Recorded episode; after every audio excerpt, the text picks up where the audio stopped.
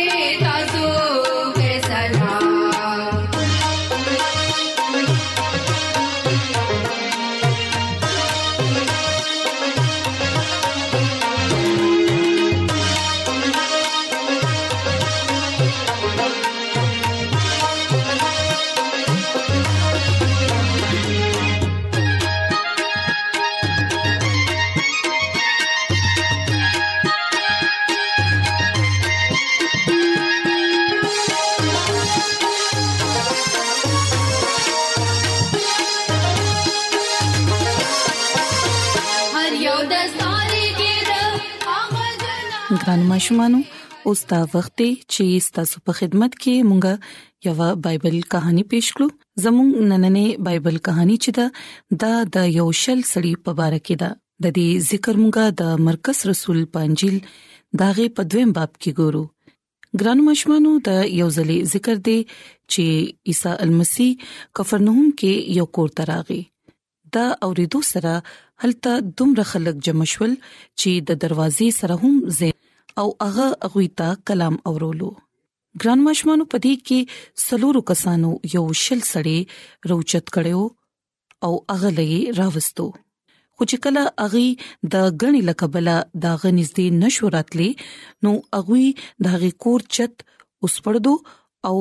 هغه یې پکټ باندې هغه شل کس راخکته کړو عیسی المسی چې د هغه شل سړي ایمان وکړو نو هغه ته ویل زویا ستا ګناهونه معاف شول خو هلته چې باز فقيان ناست وو هغه په زړونو کې دا سوچ وکړو چې آیا دې داسې ولې وای دې کفر وای د خدای نه علاوه سو ګناهونه معاف کولی شي ګران مشمانو عیسی مسیح چې روح سره دا معلوم کړ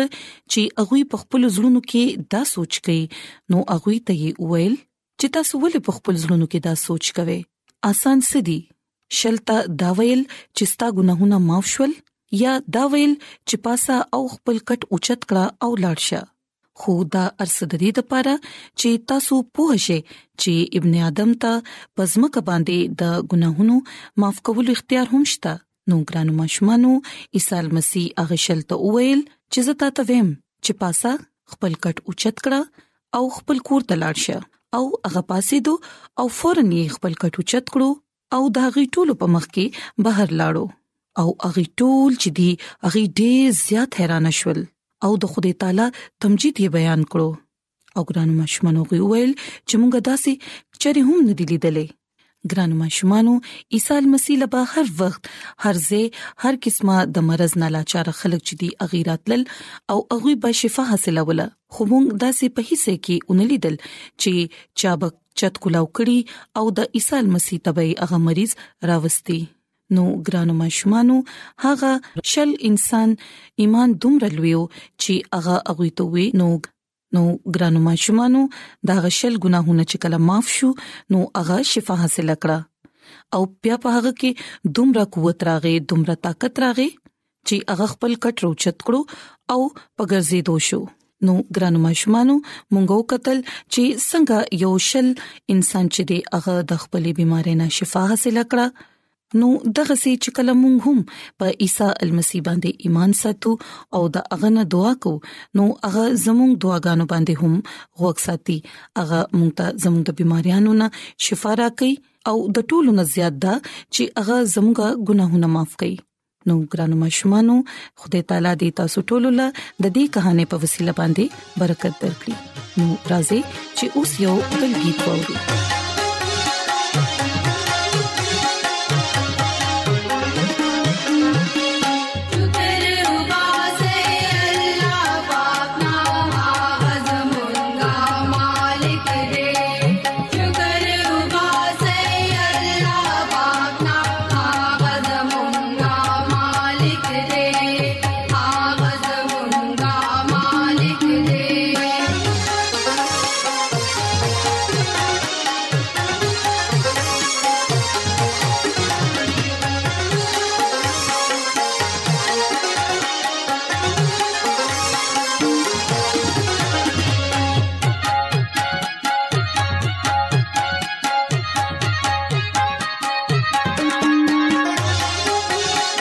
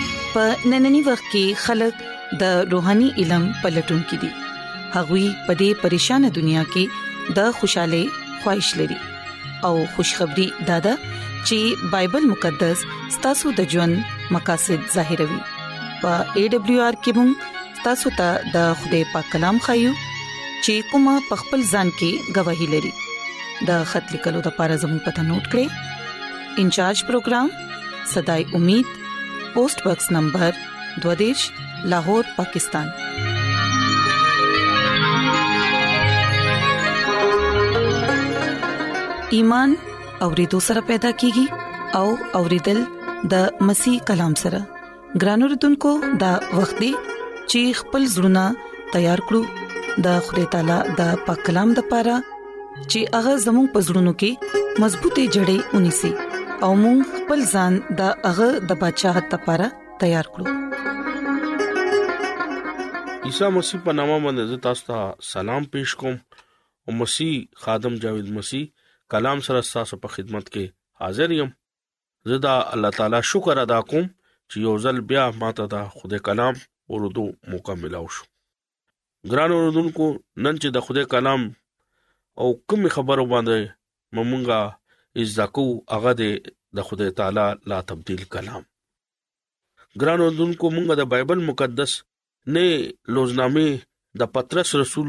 اولنې خط اولنې باب سلویریش او پنځیش آیت نه مونږه وایو ار بشر د واخو پشانت دی او دغه ټول شان او شوکت واښه د ګل مانند دی، واښه وچیږي او ګل رژیږي او د خدای کلام همیشه قایم به وي او د خوشخبرۍ کلام به همیشه مونږ ته به پاتې کیږي. د خدای کلام ویل او اوریدو باعث برکت شي. آمین. مونږ د بایبل مقدس د دې حوالې کې ډیر واضح طور باندې د دې خبرې تعلیم حاصلو چې د خدای کلام لا تبديل او ابدي کلام دی ګران اوردونکو د خدای کلام ابدي او همیشه قائم پاتې کېدو شی دی او د دې خبره ثبوت مونږه د خدای کلام لا تبديل کلام دی او خدای کلام همیشه قائم او دائم کلام دی ولې چې د خدای کلام بایبل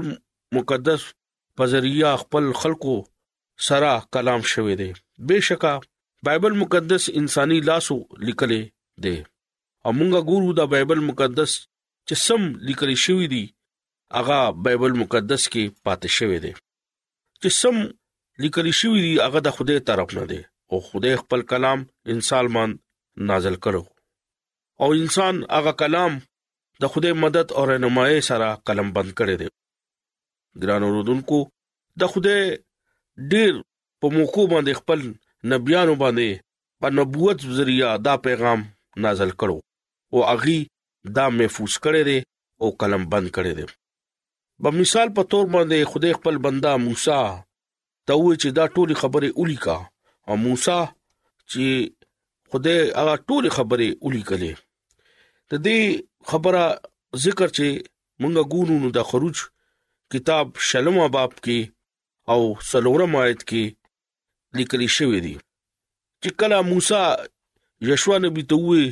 چې دا ټولي خبرې ولیکا نو بیا یرمیا نبی ته هم خدای وې چې دا خبرې ولیکا ډېر کالونو پس دانیل نبی او یرمیا نبی په پیغامونو کې موږ دا وایو چې دا خدای اسرائیل ته اویا کال پس کله غی ریا شو نو دانیل نبی ته وې چې اخري ټیم دی دا کتاب ولیکا او د دې خبره ذکر موږ دانیل نبی کتاب دولسم باب کې او سلورم آیت کې مونږ ویلی شو ننګ ګورو چې د خوده بایبل په ذریعہ خپل خلکو ته اشکار شوی دی او ډیر دلچسپ خبره دا ده چې لفظ بایبل مطلب بایبل مقدس دی د دې مطلب چې دی هغه یونانی لفظ بیبلونا وته دی د دې مطلب چې دی کتاب لکه مونږه د بایبل ته بایبل مقدس ویلی شو د بایبل مقدس کتاب که دا کتابونو مجموعه هم ویلی شو. زوړه عهدنامه کې نه دیش کتابونه دي او نه عهدنامه کې اویش کتابونه دي دا ټول کتابونه چې دي دا بل بل خلقونه دا لیکلي دي او د کې شک خبره نشته ولی دا د خدای طرف نه ارسه لیکلي شوی دي بایبل مقدس د خدای مینا اظهار کوي بایبل مقدس پیغام دا ظاهر کوي چې خدای مینا ده بایبل مقدس حقیقت کې د خدای کلام دی د خدای आवाज دی او بایبل مقدس د خدای فضل دی چې کما عیسی مسیح په وجه باندې په مونږه باندې شوی دی یاد لره بایبل مقدس لا تبديل کلام دی بایبل مقدس کې نه تبدیلی شوې ده او نه څوک کولی شي ګران اوردونکو بایبل مقدس د ژوند تبديل کول ولا قدرت ساتي بایبل مقدس هغه انسان ژوند بدلول شي چې کم د خوده طرف ته راځي بایبل مقدس په ذریعه مونږه د خدای आवाज د خدای مرزي ویني شو ګران اوردونکو بایبل مقدس زموږ د ژوند تبديل کولی شي او دا هم ویل شو چې مونږه ژوند کې برکت هم ورکوي یو سړیو د چا نوم ساموئل نو هغه په قتل مقدمه کې سزا موت حکم ولا ورکړو او جیل ته دوه خلک ملاقات ته پر دغه خاطرالو او یو ولا بایبل مقدس په توفه کې ورکړه سیموئل په غوسه کې هغه بایبل مقدس دیوار سره وګرځول یورس د ژوند مایوسو خوبزده او هغه وغوښتو چې زه دا بایبل مقدس رواغستو او ویلو شروع کړو چې کله هغه پوه نشو نو بیا یې اوښلول لک سات پس بیا دوباره هغه کتاب اوچت کو او بایبل مقدس وینا شروع کړو چې کله پوه شو نو هغه توبه وکړه او خدای حضور کې خپل د ګناونو اقرار وکړو او د ګناونو معافي وغوښتو او دا وې چې زه خدای ګناګار یم او خدای په مخ کې ډېر یو جړل او دا وې چې خدایا ما ټول عمر ستا نافرمانی کړې ده او اوس ما د ستا کتاب به همتی وکړه خدای ته ما معاف کا زدا رښتیا ځنه توبه کوم او د خپل ګناه معافي درنه غواړم زمونږه په دې کلام کې ډېر ښه خبره ده ده چې کله څوک وایي نو خدای ورته دا ویلي چې ته زما طرف تراشه نه زه تا ته د همیشه ژوند بدر کوم ګران اوردونکو هغه سړی خدای را معافي وغوښته او خدای ولا حقيقي ژوند ورکړو بایبل مقدس ډېر غټ غټ خلکو ژوند تبديل کړي دي ولې هغه قدرت ساتي خدای کلام قدرت والا دی جلال والا دی چې کم ژوندونه هغه بدل کړی دي ګران اوردونکو منګه ګورو په دې دنیا کې ډېر کتابونه شته واغه کې تبدیلی هم اغي کوي او اغي کې تبدیلی راتلیم شي د خدای کلام لا تبديل دی نه د کې څوک تبديلي کولی شي او نه د کې کېدی شي مونږه ګورو د زوړ وختونو چې څومره قوانين یا کتابونه نن مونږه سره موجود دي هغه کې ډېر طاقتور خلک په هغه ټیم اغي سره بایبل مقدس وو د خدای کلام لا تبديل دی او جديد دور کې هم قائم دائم دی د خدای کلام چې کله زموږ زړونو کې وي زموږ کورونو کې وي او د خدای کلام موږ لا برکت ورکوي د دې کلام سره موږ شفا اخلو د دې کلام سره موږ نجات اخلو د دې کلام سره موږ همیشه ژوند حاصلول شو او چې کوم ځای د خدای کلام وي الته د خدای جلال وي او هغه ځای کې د خدای قوت وي او چې کوم ځای د خدای قوت وي الته د خدای جلال او د خدای قدرت وي الته شیطان راتلی نشي بيماري راتلی نشي لعنت نکېږي چې کله موږ دا خبره سوچ کوو نو موږ دنه کمزوري بيماري خدای کلام ته خپل زړه کې ساتول پکار دي او خپل کورونو کې د خدای کلام ویل او دغه مطالعه کول ضروری دي ولی د خدای کلام خپل ژوند کې او خپل کورونو کې اول درجه ورکوي چې کله د خدای کلام خپل ژوند کې او خپل کورونو کې مونږه زه ورکړو د خدای کلام قوت سره د خدای کلام قدرت سره د خدای جلال با تاسو حاصلوي او د خدای برکت با اخلي د خدای شفا حاصلوي او نجات حاصلوي او د همیشه ژوند با حاصلوي او د خدای